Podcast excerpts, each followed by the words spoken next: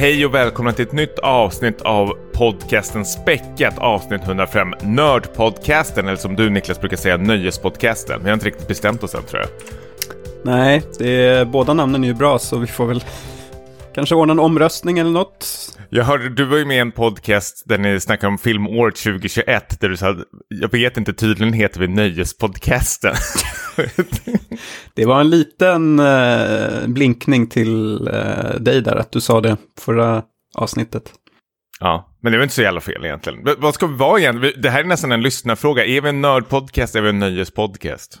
Ja, det får väl lyssnarna bestämma. Jag tycker väl nördpodcast låter lite mer seriöst, typ. Nöjespodcast är som sagt lite mer Aftonbladet, nöje, eh, mellanmjölk.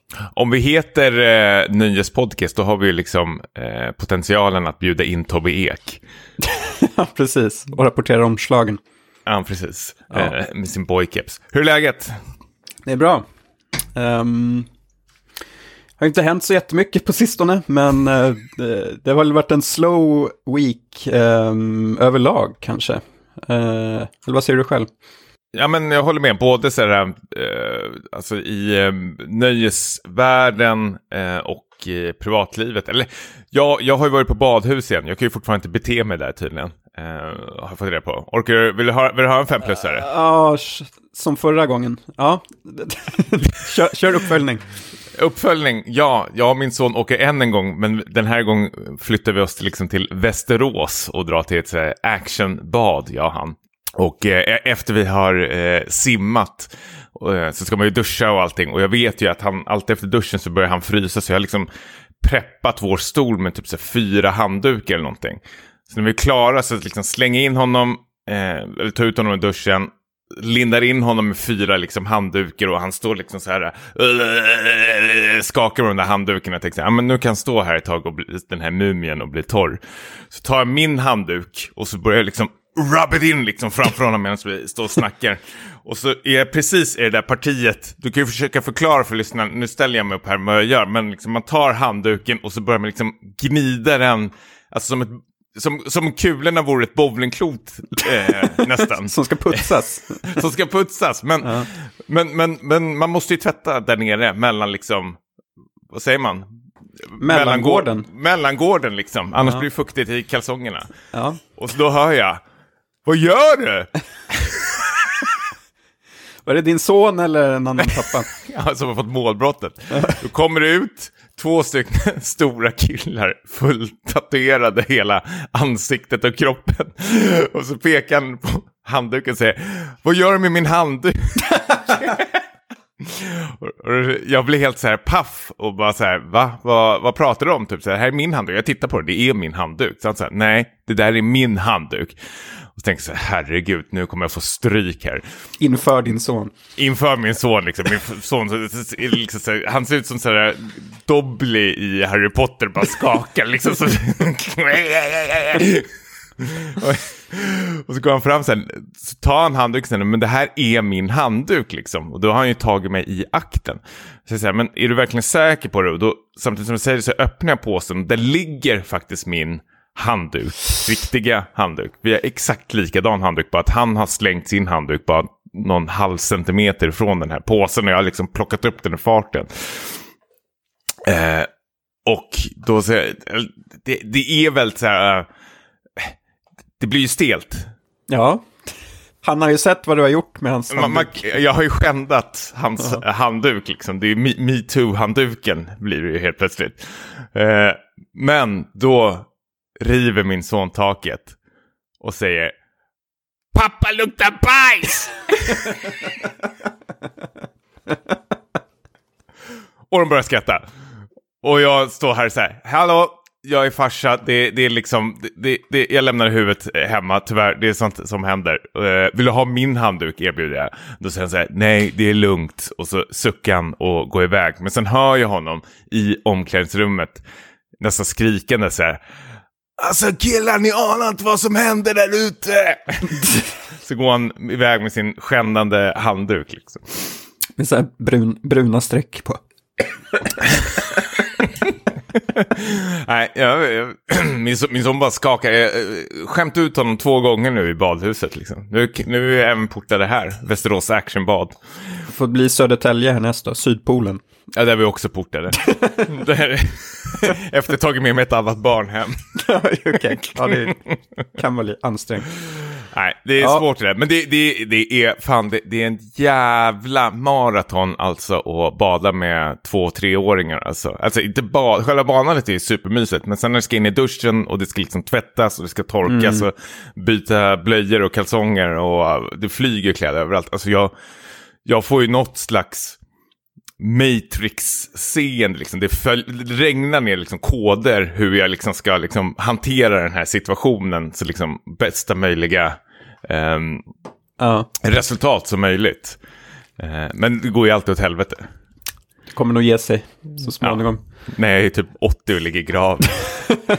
Din son tar med dig till badhuset. ja, precis. Och torka, Då torkar dig.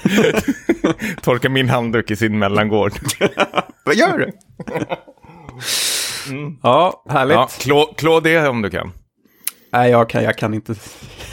jag har inga stories. Eh, skulle kolla på State of Play igår men somnade på soffan. True story. Ja. Ska vi eh, röra oss in på State of Play på direkten kanske? Det tycker jag. Um, ja, men det var ju i natt då, natten till eh, fredag, eh, som Sony hade 30 minuter med utannonseringar, hade utlovat eh, en hel del tredjeparts eh, avslöjanden och en hel del PSVR 2. Um, ehm, va- vi, vi skrev ju i vår Discord-grupp där lite om förväntningar. Jag hoppades på ett eh, God of War 2-release-datum uh, eh, och um, något med Dino Crisis som jag alltid är pepp på. Du ville ha uh, mer titlar till den här Playstation Plus-lineupen. Uh, vi fick väl inget av det va? Nej, jag hade faktiskt orimligt höga förväntningar på den här uh, streamen. Jag tänkte nu när ändå Sony börjar liksom rulla ut sin nya ja, men Game Pass streamingtjänst eller vad man nu ska kalla det för. Uh, den har ju släppts i i Asien, alltså länder som uh, Hongkong och Japan i, i skrivande stund, tänkte jag säga, pratande stund. Ehm, och eh, nu börjar det liksom, och alla titlar är ju inte utannonserade än, man har inte fått alla titlar, men nu har det liksom börjat komma ut vissa titlar i Japan, till exempel så här Legend of Heroes-spelen eh, och sånt där. Vilket gör mig ännu mer peppad på det här Game Pass, så jag tänkte att nu slår de, alltså om de är smarta ändå, nu när Europa är release och Nordamerikas release är liksom runt hörnet, så slår de på den stora trumman verkligen och liksom börjar pumpa ut de här äh, titlarna. Men eh, icke sa Nicke. Alltså jag fattar inte. Jag vet inte, är det, är det här... Jag börjar nästan bli lite orolig för Sonys liksom Game Pass-grej. Att de har liksom... eh, Inte tagit vatten över huvudet, men att de kanske har lovat lite för mycket. Ja, jag hade ju sett, eh, det har ju förekommit så här eh, läckor eh, där det står att eh, Dino Crisis eventuellt ska komma till Playstation Plus. jävla Dino Ja, men jag tänker så här, det är ehm, och då kommer jag spela skiten ur det för att eh, de ska se då att ja, men den här franchisen finns det fortfarande liv i. Vi, vi ska göra ett nytt eh, eller någonting sånt. Men inget sånt. Eh, men däremot, om vi ska hoppa in på det, eh, så kom ju Capcom då med eh, något som man hade ho- kanske hoppats på längre bak men glömt av lite grann, i alla fall jag då. Eh, Resident Evil 4 Remake. Eh, behövs det en remake av Resident Evil 4?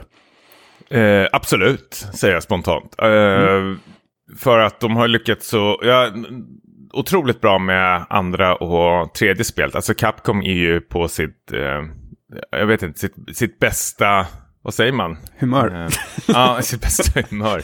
Någonsin nästan. Nej, men de Ja. har ju släppt liksom hit efter hit nu känns det som. Eh, Mm.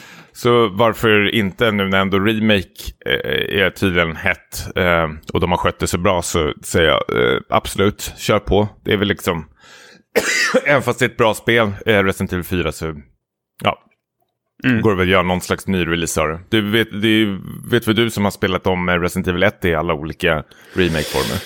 Absolut.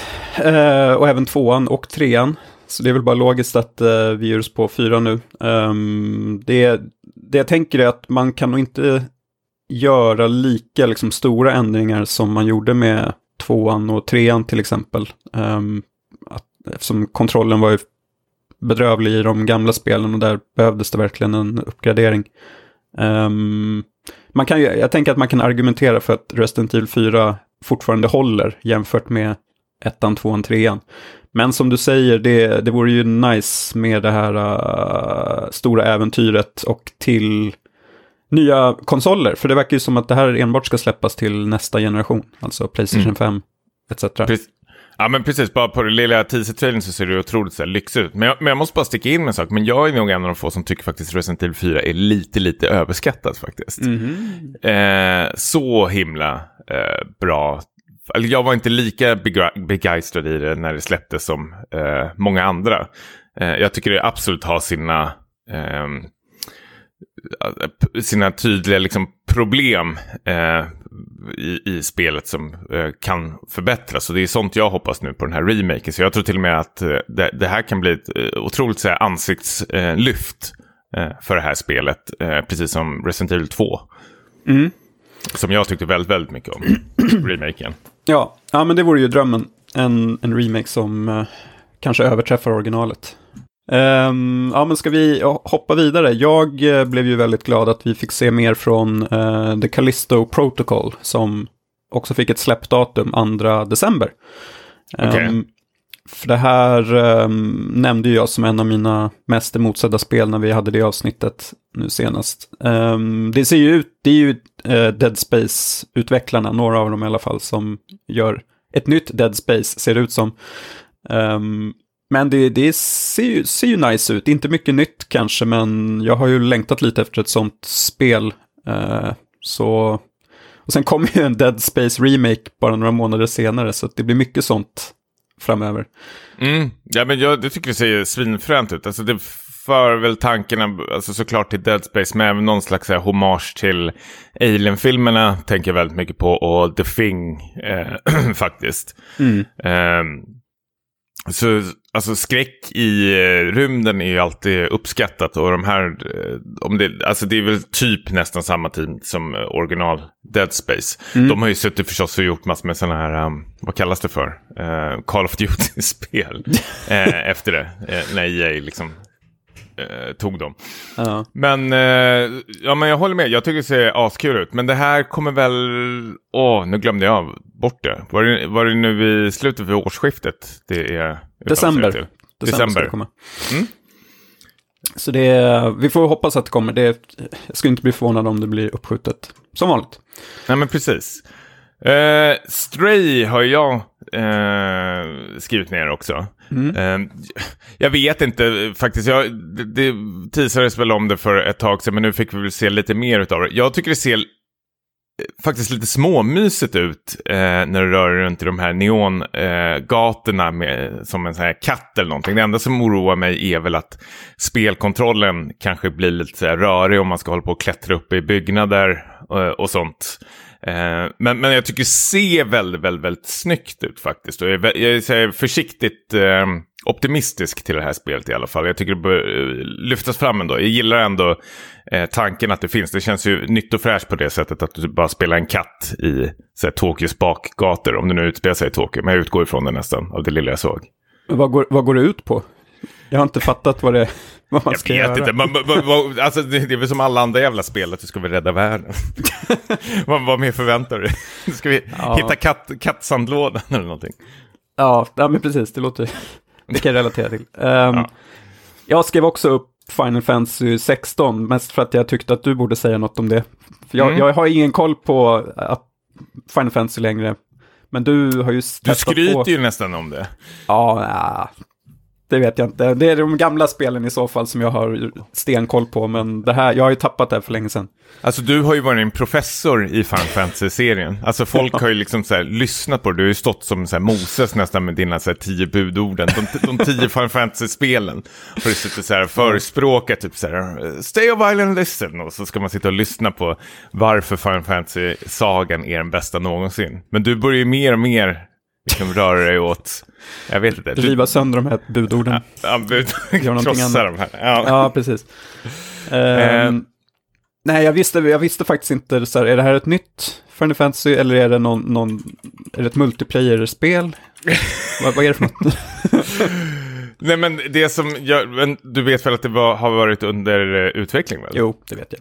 Ja, nej men det som sticker ut med det här är ju att det är väl eh, Hiroshi Takai som är med och gör det. Och eh, han är ju en av de här eh, som liksom fick Final Fantasy Online 14 att liksom så här, eh, lyftas, att hitta tillbaka till sina rötter och liksom hitta tillbaka till sina rötter. De hade väl inga rötter i början, men att eh, från att vara väldigt så här, opopulärt spel till superpopulärt nu, en av de största online-spelen någonsin. Och mycket tack vare dess liksom, story och sånt. Mm. Då har jag ju fått det här hedersuppdraget av Square Enix att liksom få göra det eh, senaste Final Fantasy-spelet.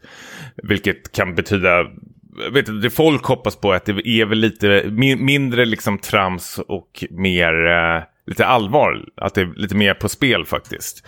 Eh, sen när man bara tittar på gameplayet lite snabbt så jag vet inte, jag, jag, tycker det ser superrörigt ut. Precis som jag tyckte när man såg Final Fantasy 15 för första gången. Att de bara flyger runt och så är det massor med siffror som... Eh, det, ser ju, det ska ju se väldigt så, coolt ut. Att man ska liksom ha den här eh, eh, karaktären som nästan rör sig sömlöst mellan de här fienderna och hoppar runt.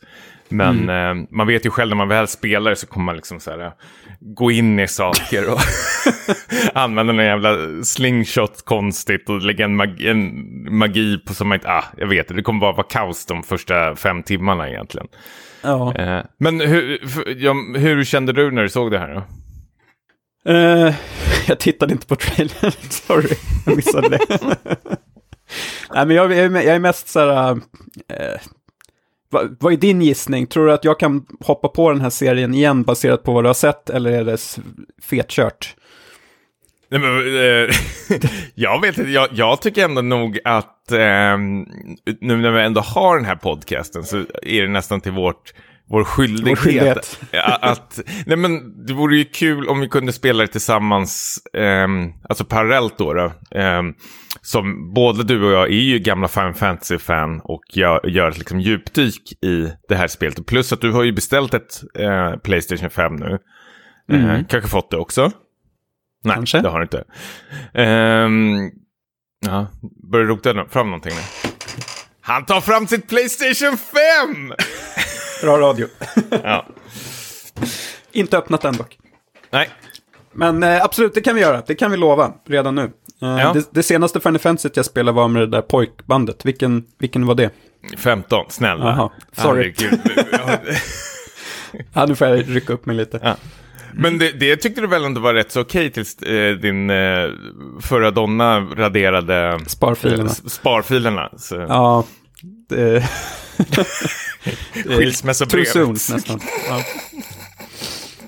Men eh, ja, nej, men då fick vi lite allt möjligt. Men du var lite besviken på den här uh, halvtimmen och jag tyckte väl också att det var lite uh, oroväckande svagt med tanke på att det här skulle väl liksom vara deras uh, ja, men sommar-showcase. Liksom det, det, för Eh, om någon vecka så kommer ju det här Summer Game Fest, Jeff Keelys eh, party och sen eh, Xbox och Xbox och Bethesdas showcase.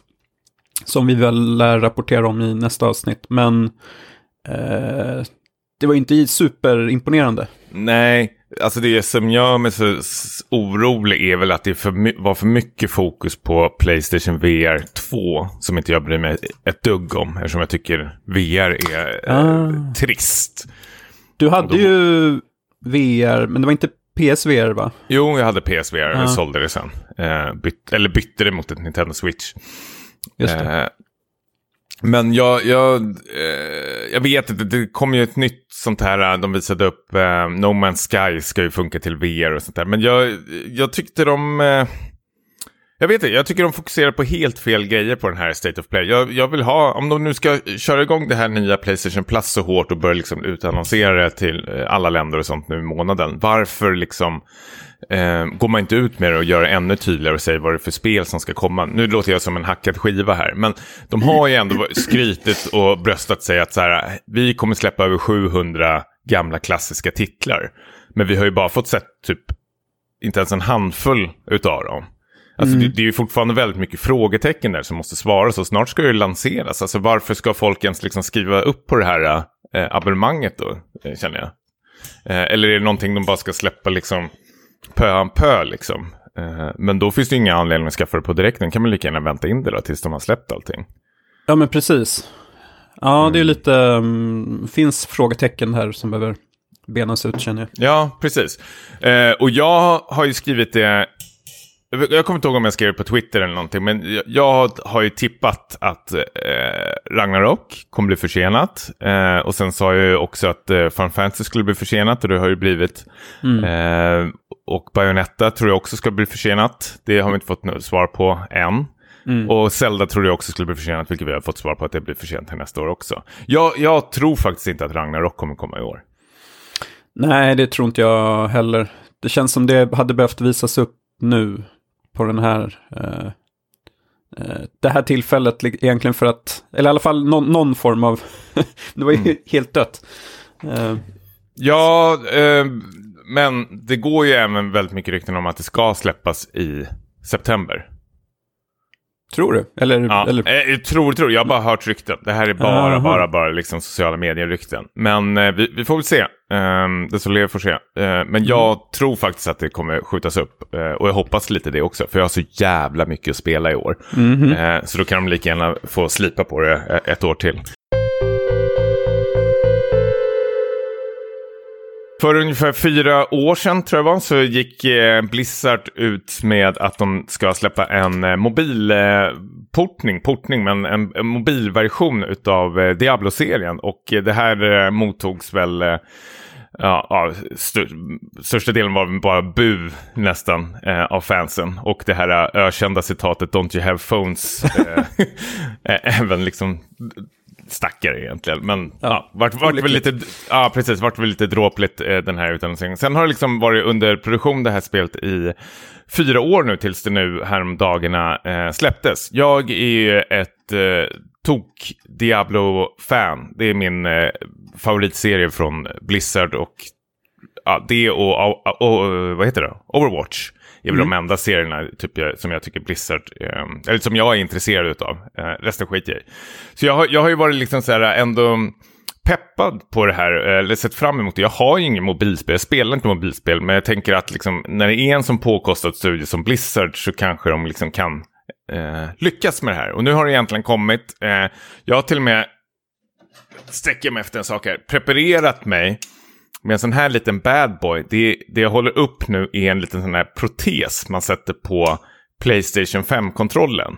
Mm -hmm. Där du kan, liksom kan koppla in din eh, telefon i den. Det finns ju sådana här backbones och sånt där som kostar 5000 spänn nästan känns som. Nej, 1000 kronor kostar de. Mm. Men då köpte jag en sån här budgetvariant som kostar 99 kronor som man bara sätter på telefonen och sen kopplar du liksom eh, kontrollen eh, till telefonen med blåtand. Och allt det här var ju för Diablo Mortal. För jag har någon slags sån här dålig erfarenhet av mobilspel att, jag vet inte, det är någonting när man spelar med mobilspel, jag hatar det så jävla mycket för mina tummar och allting i vägen.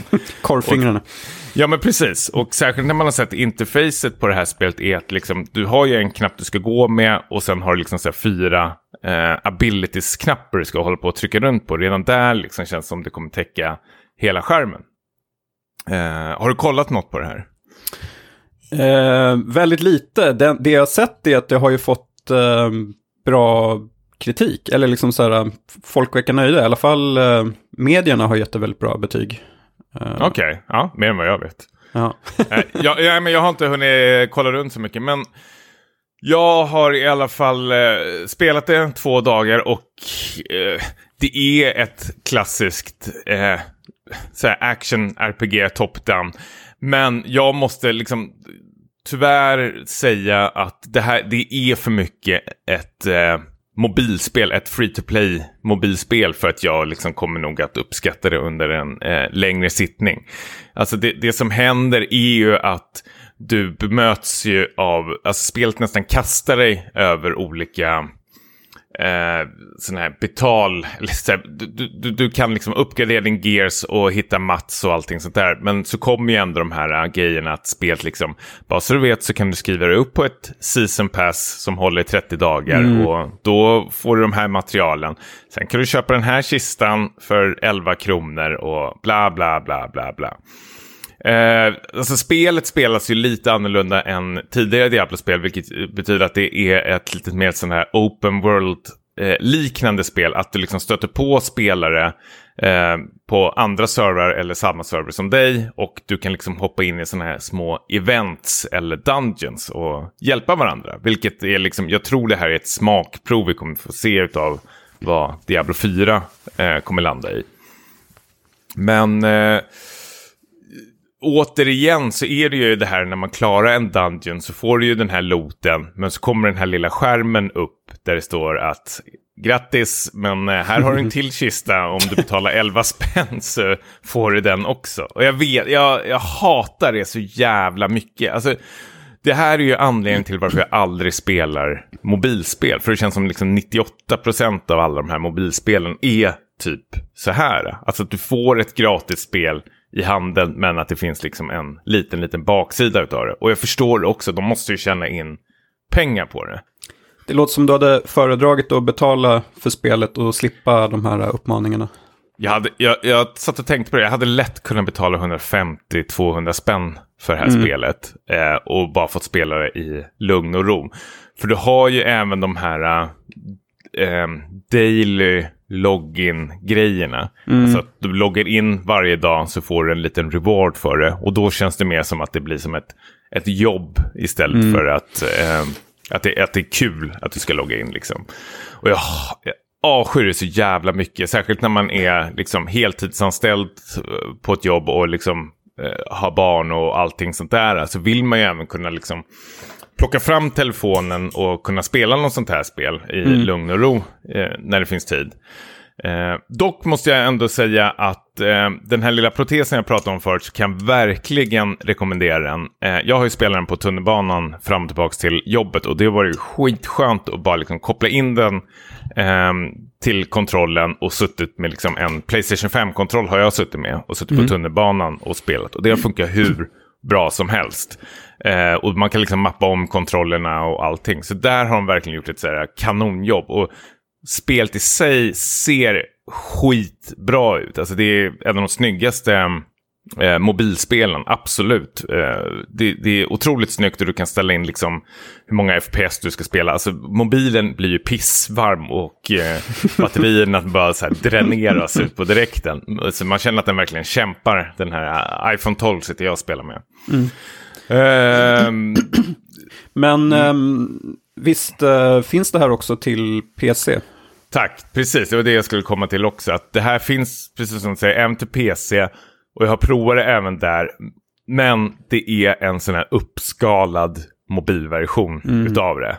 Så du kan, alltså du loggar in med ditt Battle.net-konto. Så mm. liksom det du spelar på datorn förs ju samtidigt över eh, till mobilen via molnet, att det synkroniseras.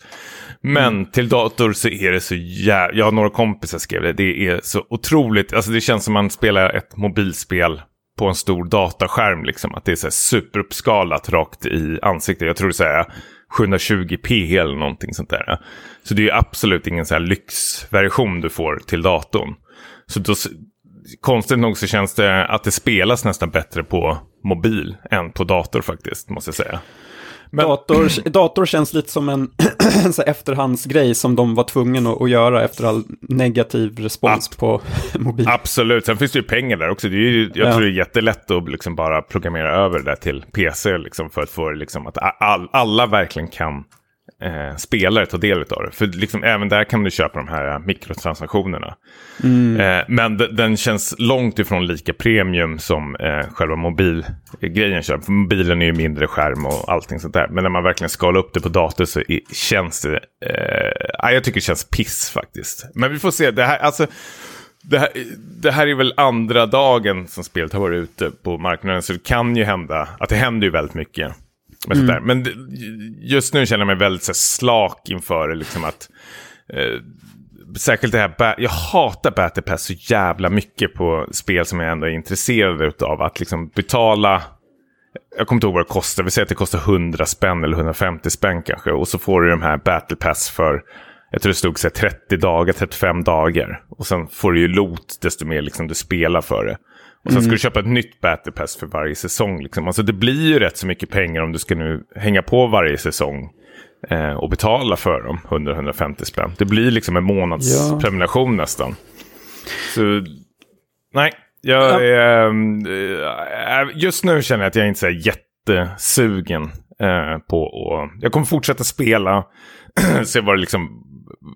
Hur, hur, om man verkligen behöver lägga pengar till. Jag har inte kommit till någon slags så här betalvägg än. Att det känns som att jag sitter fastna för att jag inte har öppnat plånboken. Eh, men om det uppstår då, då raderar jag bort spel på direkten. så jag kommer fortsätta spela i alla fall. Ja, ja men det är väl bra. Men eh, jag funderar på vilken, vilken målgrupp det är de vill komma åt. För det låter ju som det här är lite för invecklat för liksom Pokémon Go-publiken. Om du förstår vad jag menar. Och, Ja. eh, och det verkar ändå ganska... eh, Krävs mycket hängivelse, liksom att skaffa en så här protes och sånt för att spela det här på mobilen så att det ska funka. Eh, Jag, jag, jag tror jag är ju en minoritet som gör det här. Ja, jo. Alltså det, det finns ju ett annat spel till mobil som heter Lineage 2 som är exakt likadant. Ehm, som det här spelas nästan likadant. Alltså allting är ju väldigt så här automatiserat. I, i, särskilt i Diablo Immortal så är det också det att du ska på en quest och så trycker man på en knapp och så går gubben dit automatiskt. Eh, så så det, allting är ju simplifierat för liksom, mobilanvändning. Att du ska liksom kunna plocka upp det och spelet ska liksom i stort sett kunna köra av sig själv i vissa eh, grejer. Men spelar du det här med dina Gloomhaven-kompisar? För det är väl Dia Dia Diablo är väl Gloomhaven-kompisar. nedvärderande? Nej. Nej, det gör jag inte. Jag sitter och spelar själv. Eh, några av dem sitter och spelar. Men här är ju problemet också. I början så kan man ju välja vilken server man ska vara på. Och om man väljer en annan server man då, kompisen är på så hamn, ah, då, då, då är det ju kört liksom på direkten. Så där gäller det liksom att komma överens. Men vad jag förstår det ändå som så är det ändå en crossplay server. Att även fast du är på olika server så kan du även spela med varandra i Dungeons och sånt där. Bjuda in varandra. Men du kan inte se varandra för det är på olika servrar. Om du förstår vad jag menar. Ja, jag fattar. Men Mm. har inte de tidigare Diablo-spelen varit främst en, en upplevelse som man delar med andra? Som du har spelat det liksom med, med ett gäng kompisar? Eller har jag missuppfattat Ja. allting? Nej, men det stämmer. Jag har ju spelare som bara den med mina vänner. Och Mm. då har vi ju liksom suttit och spelat Rifts och liksom ehm, försökt liksom knäcka rekord och göra builds och allting sånt där. Men det här känns liksom för plojigt och oseriöst för att liksom vi ska ta det liksom till den nivån. Men vi, återigen, det här, jag har bara spelat i två dagar. Det kan liksom, liksom eh, ändras. Eh, liksom. Men just nu, bara de här betalmodellerna som dyker upp i ansiktet på en får en liksom väldigt så här, opeppad på liksom så här, gå he helhjärtat eh, in eh, på det här. Yes, vi har varit på bio flera gånger om den här veckan. Eh, nu, nu kickar ju sommarbiosäsongen igång på allvar här med eh, både stora och smala filmer. Vi Jävlar kan- vad vi har sett film nu i veckan alltså. Ja, vi har varit duktiga, tycker jag. Ja. Ehm, vi kan börja med en stor film ehm, som spelades in innan pandemin, så för tre år sedan. Eh, och det var prat om att den skulle släppas på streaming under eh, pandemin, men Tom Cruise sa nej. Det här är en film för de stora, den stora bioduken. Eh, det vill säga Top Gun Maverick. Eh, innan vi hoppar in på den så vill jag bara höra dina tankar om den första Top Gun-filmen. För min del så, den har liksom aldrig varit en sån här eh, favorit från 80-talet eh, som många verkar ha den som. Och jag tror att det stora problemet är att jag såg Hot Shots innan jag såg Top Gun. alltså filmen som är en parodi av Top Gun och den är ju liksom eh, bättre, skulle jag nästan vilja påstå. Ja, nej men jag håller med dig. Jag är absolut, alltså jag, jag hatar väldigt mycket det som har liksom släpat efter eh, Top Gun. Alltså det enda jag har tagit med mig från originalfilmen det är väl liksom eh, Berlin-låten Eh, som är faktiskt 5 plus. Den är helt otrolig. Eh, den, den gör ju hela filmen. Jag tror inte alls Top Gun hade varit eh, lika stor utan den, det soundtracket. Mm. Eh, men sen kommer jag bara ihåg det här Nintendo 8-bitarspelet eh, som var så jävla svårt eh, också. man, man skulle landa var, på hangaren. Helt omöjligt att landa liksom. Bara körde Tom Cruise rakt in i hangar. liksom. Nej men jag, jag, jag har bara sett Top Gun en gång vill jag minnas. Jag tycker det, det är en sån här överskattad film. Som liksom så här, man, man, man pratar lite om den för det här 80-talsskimret och plus att Tony Scott har gjort det. Det, det smakar bra i munnen att säga att han har, han har gjort den. Uh, och sen är det väl, eh, vad var det mer jag irriterar mig så jävla mycket på? Just det, det, det är alla stockholmare som säger att de har köpt pilotglasögon inför sommaren. Och så har de de där pilotbågarna som eh, Tom Cruise har. Mm. Den, den, har ju pajat väldigt mycket eh, mer för mig. Det är saker som jag går runt och irriterar mig på mer. Ja. Um, så jag, har, jag var ju inte ett dugg sugen när den här utannonserades. Nej, jag misstänker att det kommer fortsätta vara så nu när jag har berättat, men eh, vi får se. Um, mm. För det här, det här är ju liksom en legacy-sequel, den här äh, termen som liksom syftar till att äh, man tar ett gammalt franchise och äh, väcker det till liv och försöker i princip med de gamla skådisarna introducera det här för en ny publik samtidigt som att man gör om den första filmen en gång till med lite modifieringar. Typ Star Wars The Force Awakens är väl ett så bra exempel på, på när det här kan göras ganska lyckat. Men det finns ju även typ den senaste Terminator-filmen som var ganska bedrövlig. Uh, när man kallade in då liksom Arnold och Linda Hamilton igen liksom för att få till den här nostalgin. Mm. Och så James Camerons godkännande. Ja, det är fan det värsta jävla skit. Ja, han har ju, bryr sig inte ett skit tror jag. Uh, nej men, uh, Top Gun Maverick då alltså, eh, redan liksom innan de, i de fem första minuterna så är det ju liksom nostalgimätaren har ju gått, gått genom taket. För det är dels har vi den här, eh, om du kommer ihåg de här gamla filmerna från typ 80-90-tal av Jerry Bruckheimer och Don Simpson med den här eh, logotypen med två blixtar som går över typ en amerikansk motorväg. Mm. Eh, den dyker upp i början. Och jag bara, oj shit, vad är det här för någonting? Eh, och, sen, och sen hör man ju det här, liksom, de här syntarna då i den här um, eh, original Top Gun-temat med de här liksom, klockspelen, eller vad, vad man nu ska beskriva det som. Mm. Eh, och så ser vi ju de här, uh, liksom den här hangaren som du nämnde från 8-bitarspelet då, och de här planen som eh, lyfter då, precis som i originalet. Och sen så kickar den här uh, Danger Zone-låten igång, så här, helt bara från ingenstans, så, här, så att man bara hoppar till i biostolen. Så det är, Skönt ändå, låter det som. Ja, det är superhärligt. jag, jag är på tåget på direkt. Det här låter ju bättre än första filmen. ja, alltså, eh, om storyn i korthet är att eh, Maverick då, Tom Cruise karaktär, han eh, har ju fått sparken från flottan för att han kan inte lyda order. Eh, men det, det, visar sig att det, det finns ett uppdrag som enbart han kan klara av. Eh, och därför kallas han tillbaka till Top Gun. Men det är inte för att han ska flyga själv, utan det är för att han ska utbilda nya piloter som ska göra det här omöjliga uppdraget. Uh, så han är liksom läraren i, i den här filmen då. Och uh, jag, jag, ska lägga korten på borden direkt att det här är en mycket bättre film än den första. Mm. Nu har ju vi pratat om att den kanske inte är så himla fantastisk, så det kanske inte var så svårt, men det är liksom även om det här är mycket, i mycket må, i stor grad en, en liksom remake kan man säga. Det känns som lite samma film fast de har gjort allt mycket bättre. Det är mycket bättre tempo, karaktärerna känns eh, starkare. Eh, musiken av Hans Zimmer är typ bättre än i originalet, väver in liksom de gamla låtarna med sitt nya pampiga, pampiga stråkar. Um, och det som jag tyckte var sämst med första filmen eh, är det här påklistrade slutet. När de liksom, om du kommer ihåg så tar de, de klarar ju sin utbildning på Top Gun, eh, Tom Cruise-gänget. Och sen så bara, sista 15 minuterna så ska de helt plötsligt upp och slåss mot slåss. några ryssar ja. i så här MIG-plan. um, men här så är det redan från början liksom så bygger man upp mot den här sista slut striden, om man säger så. Det här omöjliga uppdraget där de ska eh, invadera en skurkstat och spränga ett omöjligt mål. Och de ska åka också i en sån här uh, canyon, så att det blir nästan som en, en, en kopia av Star Wars uh, A New Hope. Du vet slutet där de ska spränga dödsstjärnan. Ah, okej. Okay. Och det är, eh, alltså liksom redan innan den här omtalade sista halvtimmen eh, så har jag gåshud och eh, är liksom så här eh, supernöjd.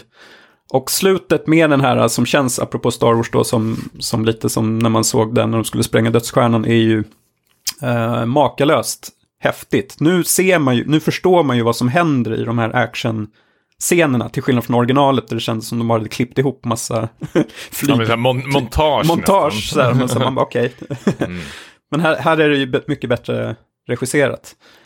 Äh, men jag, jag, ska vara helt, förlåt jag sticker in här lite, mm. men jag, jag, ska vara helt ärlig för att jag var inte dugg peppad på den här eh, och jag trodde till och med att den skulle eh, floppa till och med. Jag, jag, kände till och med så här, är det verkligen någon som har efterfrågat eh, efter den här filmen, eller den här uppföljaren?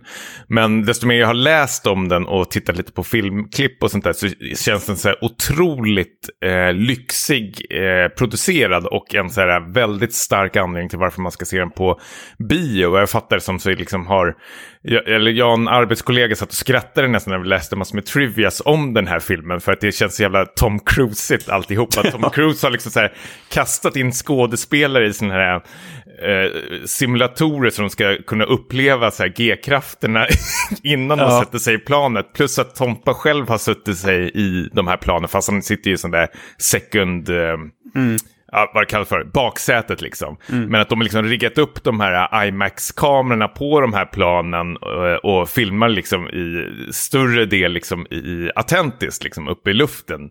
Får ju en liksom att eh, liksom bara tappa hakan när man sitter och läser om alla liksom de här scenerna de har skjutit med eh, de här, det här gänget liksom. Det känns ju ja. mer som en dokumentär än liksom en studiofilm. Ja, ja, men det gör faktiskt väldigt mycket stor skillnad att man ser att det är väldigt lite green screen här. Mm. Utan det är liksom filmat uh, i, i cockpiten. Uh, mm. Och att jag såg den på IMAX och det var ju uh, en hisnande upplevelse. Um, och den är ju, alltså den är ju lite cheesy, den här filmen, alltså 80-tals cheesy, så att man nästan sitter och fnissar ibland, men det är liksom på ett skönt sätt. Det finns ju en, en rätt oskön scen i originalet, om du minns när Tom Cruise ska försöka ragga upp den här tjejen, kärleksintresset på baren, eh, Kelly McGillis karaktär då. Så får han nobben och hon går på damtoaletten och då går, följer han efter henne, liksom så här in på damtoaletten, vilket känns väldigt eh, olämpligt. Um, men i den här filmen så, så kommer han in också på en bar då, och så träffar han någon gammal tjej som han eh, känner i baren och så, eh, så säger han till henne så här, vad snygg du är typ. Och då så här, ryggar hon tillbaka och så ringer hon i någon så här klocka, någon så här larm så här, där det står så här typ om du uppför dig ohyfsat eller sexistiskt då får du bjuda alla på, på öl eller någonting. Och Tom Cruise ser ju så här förvirrad ut, typ att han är i ett nytt, uh, välkommen till nutiden. Liksom, du måste bete dig. dags, dags att vakna upp Tom. Dags att vakna upp, ingen mer sexism. Jag tänker under pandemin så har det varit väldigt mycket eh, sådana här nyheter att Tom Cruise har eh, inte ballat ur, men han har ju sagt till liksom, det här teamet på skarpen. För att det har ju varit väldigt mycket prat om alla de här produktionsbolagen som har filmat de här filmerna är att de liksom ska släppas direkt. Eh, ja, med video on demand, liksom att eh, det, det, måste bara ut eh, det här. För det har ju kostat pengar och de måste ju känna in det. Men Tom Cruise har liksom stått på sig och sagt att nej, precis som du sa innan, det, det, här, måste, det här ska liksom upplevs på bio. Eh, och detsamma gäller ju de här Mission Possible-filmerna. Det läckte ju någon slags inspelning där han skäller ut hela crewet eh, för att man har liksom slarvat med maskerna eh, och sånt. Då är de väldigt så här, isolerade på en båt eller någonting. Så då är det så här, extra känsligt. och det, det går ju... Um, ha liksom delade meningar vad man tycker om den utskällningen. Men spontant säger jag att det är väldigt, väldigt bra att han tar det ju väldigt seriöst och att det är ju liksom folks liv och folks framtid eh, och allting sånt där. Han brinner ju helhjärtat eh, för sådana här produktioner och vill att det ska liksom bli bra och sköta seriöst. Alltså, jag, jag tänker även på Christopher Nolan som har sagt upp sitt eh, sagt upp bekantskapen med, eh, vad blir Warner Bros. För att de liksom har mm. börjat anamma den här Direkt till streaming och... Ja, men precis. Via HBO och sagt att nej, men det här är ingenting för mig. För jag vill att mina filmer ska upplevas på bio. Och jag tycker det krävs väldigt, väldigt, väldigt mycket balls eh, för att kunna göra det mot de här stora jättarna. Självklart är det här två grabbar som har väldigt mycket auktoritet. Det kanske är svårare mm. för lite så här indie-regissörer och um, Uh, Slå på sig sådär liksom. Ja, men precis, ja. mot de här stora jättarna. Uh, Tom Cruise och Christopher Nolan, de har ju nog inga problem alls att, att få jobb liksom, om de skulle få sparken från ett produktionsbolag. Men jag, jag, tror att ändå att någon måste liksom vara ansiktet utåt och starta en sån här uh, rörelse. Att mm. visa att det, det, finns ett intresse, även fast pandemin har varit, eller den pågår väl fortfarande också. Att, att det finns ändå ett biointresse och att man måste ändå försöka. Och Eh, det, det, det, gillar jag väldigt mycket med eh, Maverick och de kommande Mission Possible-filmerna faktiskt, redan nu. Ja, och det, han har ju haft is i magen, Tom Cruise, och det har ju lönat sig, för det här ser ut att bli en publiksuccé. Mm. Um, ja, som sagt, jag såg den typ en tisdag kväll på IMAX och det var helt fullt i, i salongen. Och uh, uh, har ju slagit någon form av rekord i USA när det gäller öppningshelger. Så det, jag tycker det känns jätteroligt att uh, det lönar sig att, eh, att tro på sin produkt så pass mycket.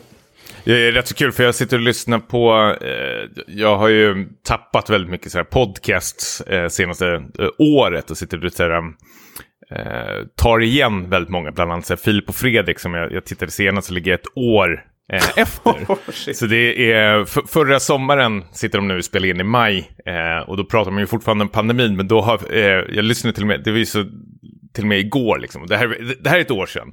Men mm. Då har Fredrik Wikingsson en spaning som han hade hört om, om en annan podcast. Att eh, när pandemin försvinner så kommer liksom teaterscenen och eh, livekonserter, ja precis, mm. gå så spikrakt uppåt. För då hade väl någon slags superundersökning någonstans i Storbritannien visat att det är det folk mest eh, saknar. Men bio däremot kommer liksom så dö ut eh, mer och mer. Och visst, liksom, man, man, man, ska, man, kan vara efterklok så här, ett år efter nu när man har facit i hand. Men det är väldigt kul ändå att se att det verkar ändå gå bra för bio. Eh, tror jag i alla fall.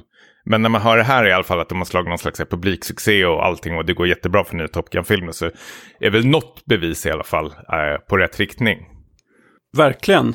Eh, jag är hoppfull för framtiden.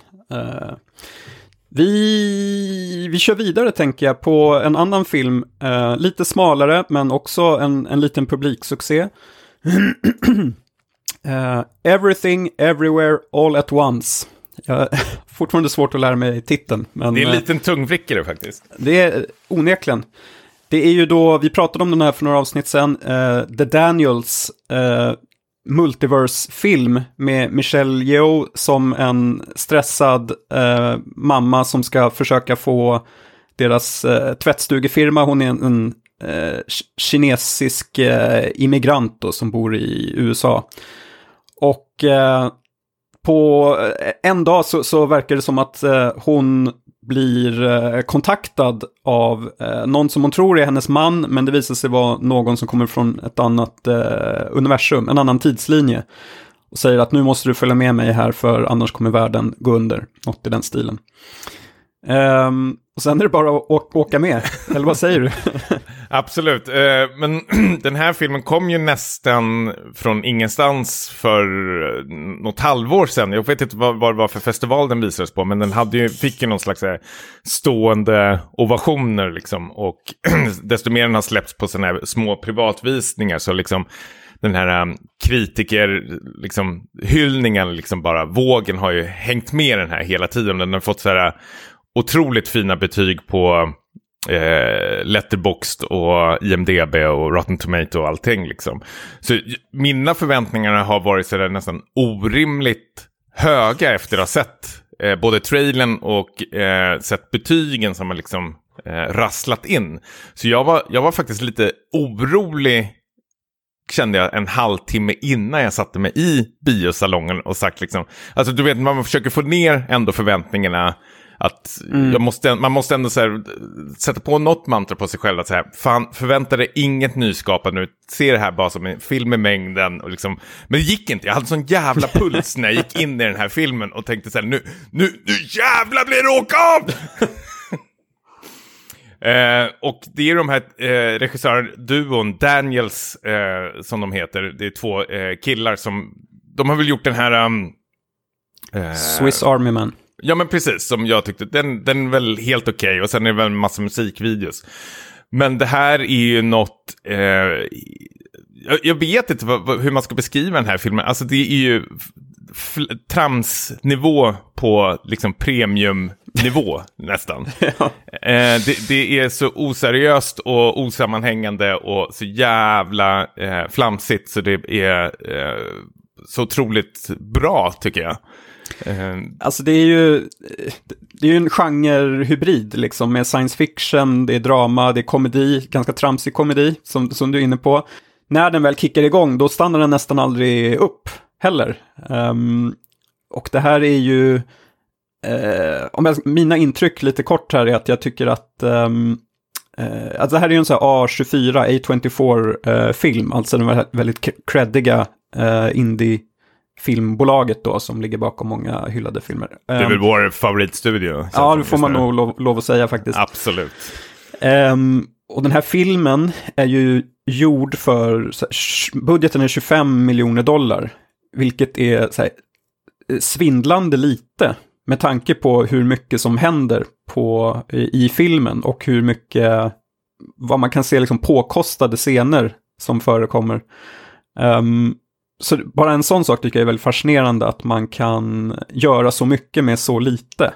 Uh, och jag antar att det är väl deras uh, bakgrund som musikvideoregissörer på något sätt som gör att de kan vara väldigt kreativa och uh, få med alla de här infallen.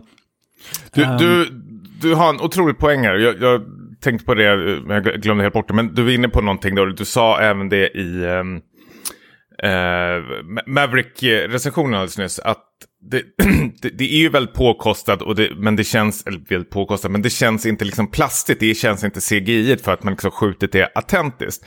Alltså när du nämnde budgeten nu, vad var det, 25 miljoner dollar mm. eller någonting, som är väldigt lite om man jämför med en Marvel-film, så känns ju den här tusen gånger lyxigare än de här Marvel-filmerna. Jag, jag, nu vill jag inte minnas vilken Marvel-film jag såg alldeles nyss eh, direkt efter den här, men vi säger att det var Black Widow eller något liknande.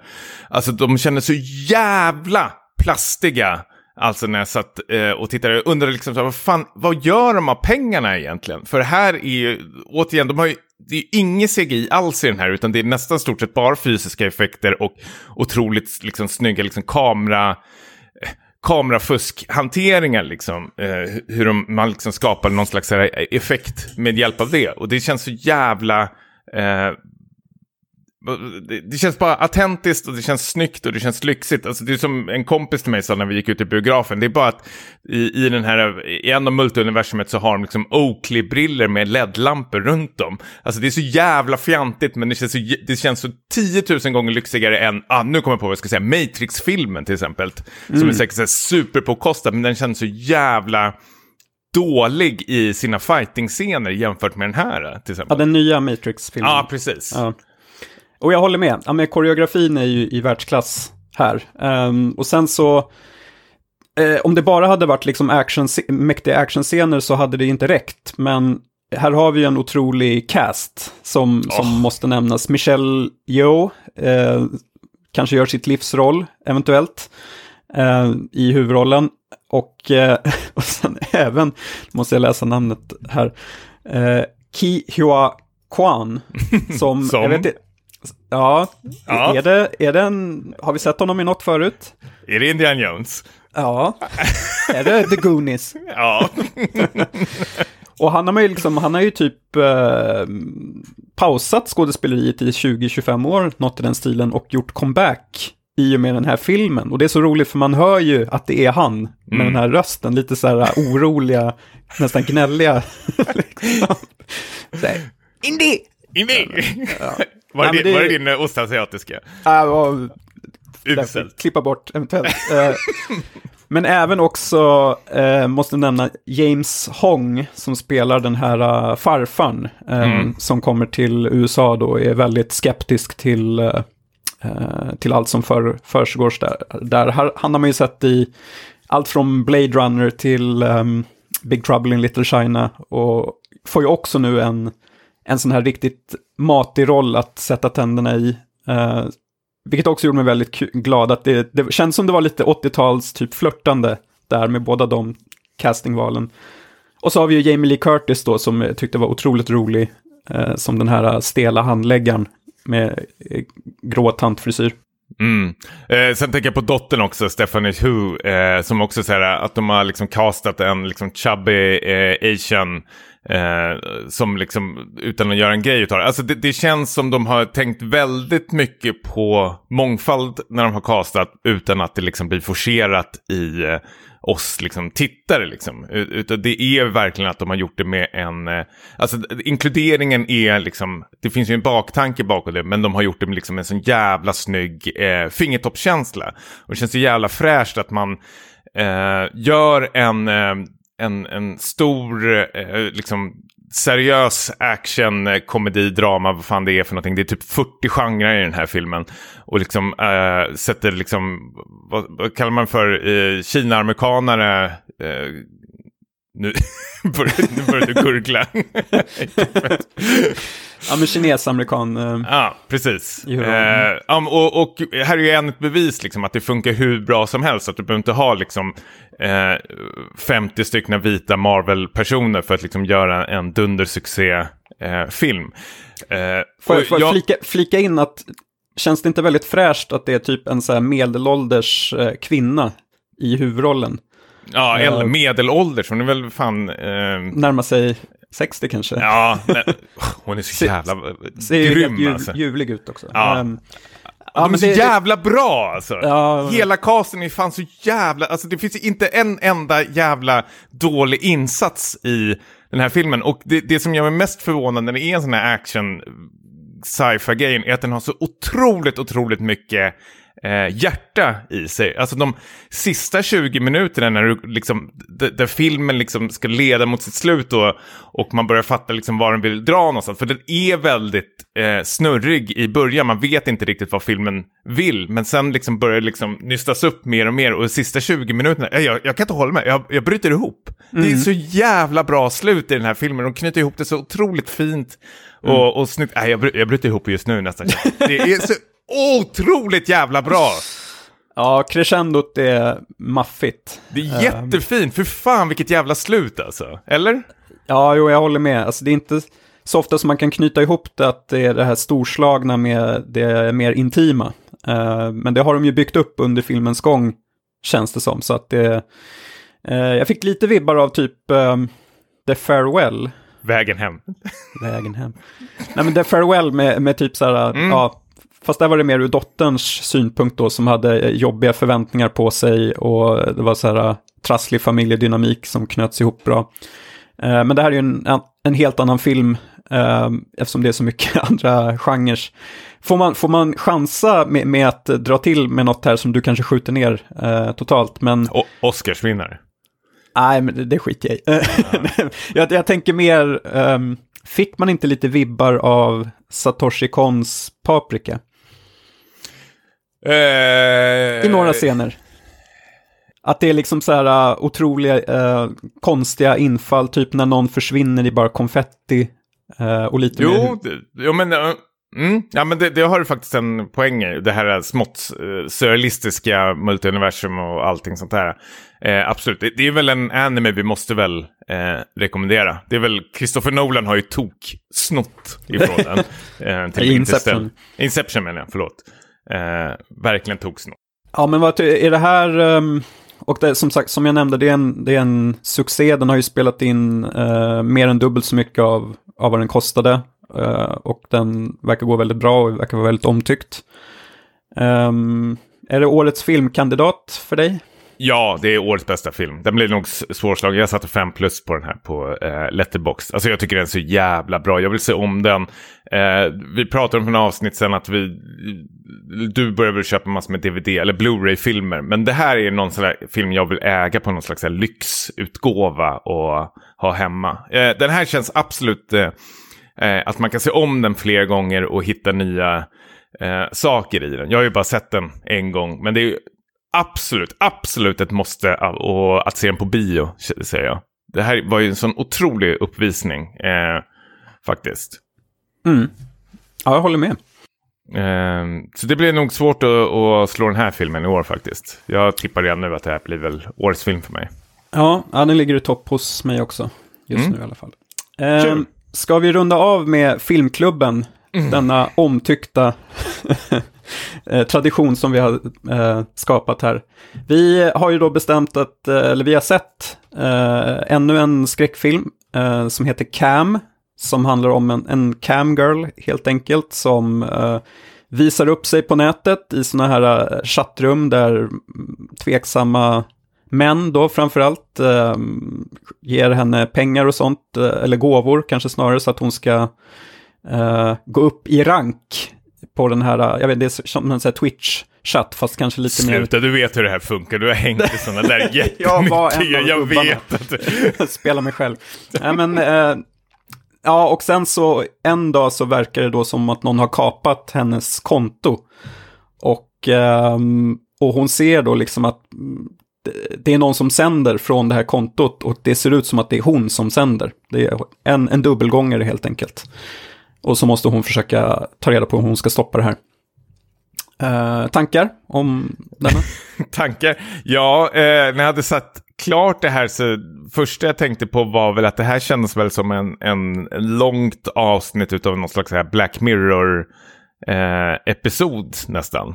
Att den blev väldigt så här, alltså det, det är väl en eh, samhällskritisk eh, film som precis Black Mirror brukar ha, att man brukar ta upp någonting i samtiden och göra en liten eh, twist utav det. Och det här handlar väl mer typ om så här, identitetskapning, eh, kapning, vilket är väldigt så här, vanligt på internet. Bara att de har väl gjort en egen tolkning och twist eh, på det faktiskt, som känns eh, väldigt fräsch skulle jag säga faktiskt.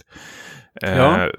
Men däremot känner jag att den, den skulle nog passa faktiskt mer som ett tv-serieformat eh, på Black Mirror på en timme eller någonting. Jag tycker den lite var, även fast den är en och en halv timme så tyckte jag den var lite lång för sitt eh, eget bästa. Liksom. Den, den, den står och trampar lite väl mycket vatten på sina ställen ibland faktiskt utan liksom komma fram dit den vill. Eh, vad säger du? Ja, kanske. Alltså jag tycker hon, eh, huvudrollsinnehavaren är väldigt eh, duktig. Um, glömt bort hennes namn. Men, Madeleine eh, Brewer. Ja, just det. Bra. Um, men det hade kanske krävt ett lite starkare birollsgalleri för att fylla ut uh, speltiden och göra den mer intressant. Det är ju mycket en sån här one woman show det här. Eller två stycken då, eftersom det är hennes dubbelgångar också. Uh, jag tror att det jag gillade mest eh, uh, med den var en liten spoiler här, men att det inte var, får spola fram 20 sekunder om ni inte vill veta, men jag tyckte det var skönt att det inte var något så här övernaturligt eh, så här spöke eller någonting, utan att det mer var så här, det här är en, något som har fötts på nätet som eh, eh, har Ja, men som eh, gör att vi ifrågasätter kanske vad vi lämnar för spår på, på internet och vad, vad folk kan göra med, när de får tag i ens inspelningar av en och så vidare. Precis. det tyckte jag var rätt eh, intressant. Ja, äh, men precis. Den, den väcker ju äh, mycket frågor och, och tankar om, om liksom så här, dagens äh, internet och identitetskapning och sånt där. Men äh, samtidigt känns det som att det är någon slags här, skräckthriller som snabbt kommer glömmas bort.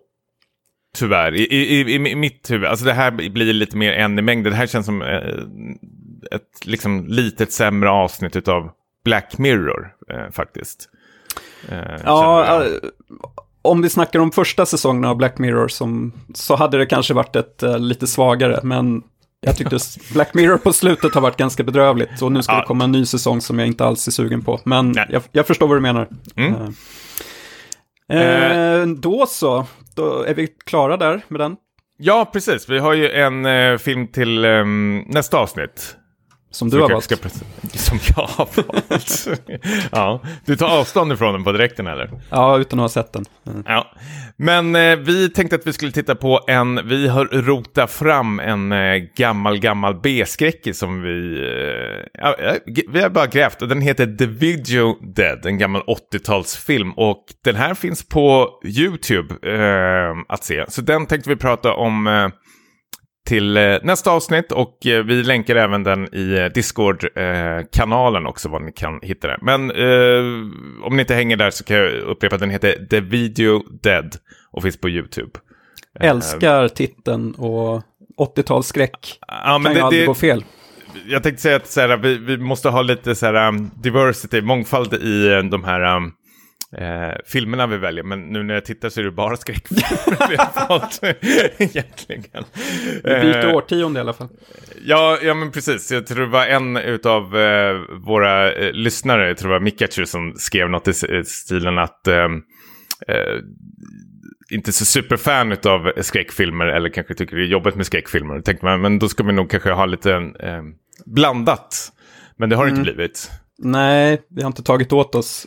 men, men vi får se vad som händer kommande veckor. Ehm, Ja, men det, här, det, här, det här måste vi fixa till. Men återigen, den här filmklubben är ju någonting som eh, ni lyssnare får vara med och påverka hur ni, hur ni vill att den ska se ut i framtiden. För just nu känns det som du och jag skjuter lite i höften. Vi väljer varannan film eh, faktiskt. Så ni får jättegärna komma med lite ris och ros hur det här ska funka. För tanken är att vi ska få med er på tåget eller att ni ska kunna titta på den och om ni vill så ska man även kunna eh, diskutera filmen liksom.